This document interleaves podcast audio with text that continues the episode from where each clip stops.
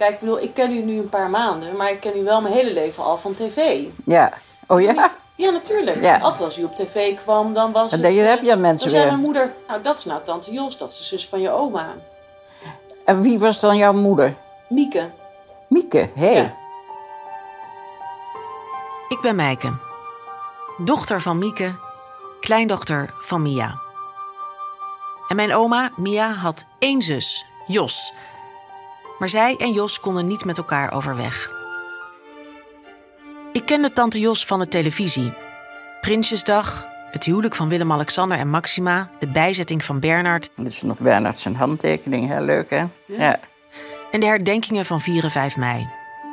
Jos zat vooraan in opvallende, felgekleurde kleding en altijd met een grote hoed op. Nooit zag ik tante Jos in het echt. Totdat mijn oma naar Den Haag verhuisde. Op een dag kwam ik bij haar langs en toen zat ze met een verrekijkertje uit het raam te kijken. Naar het huis van Jos. Ze bleek precies achter mijn oma te wonen.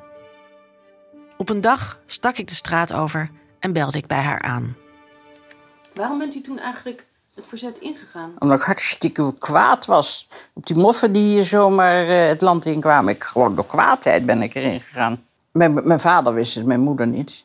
Want die zou er echt hysterisch van worden als het zo gebeurde. En die zou maar zo te zeggen aan de moffen overleveren. U? Ja, Nee toch? ja echt.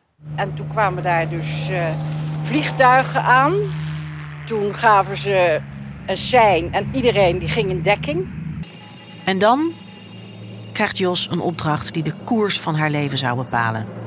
Ik zeg, ik heb een opdracht om het aan prins Bernhard te brengen. En ik breng het aan prins Bernhard.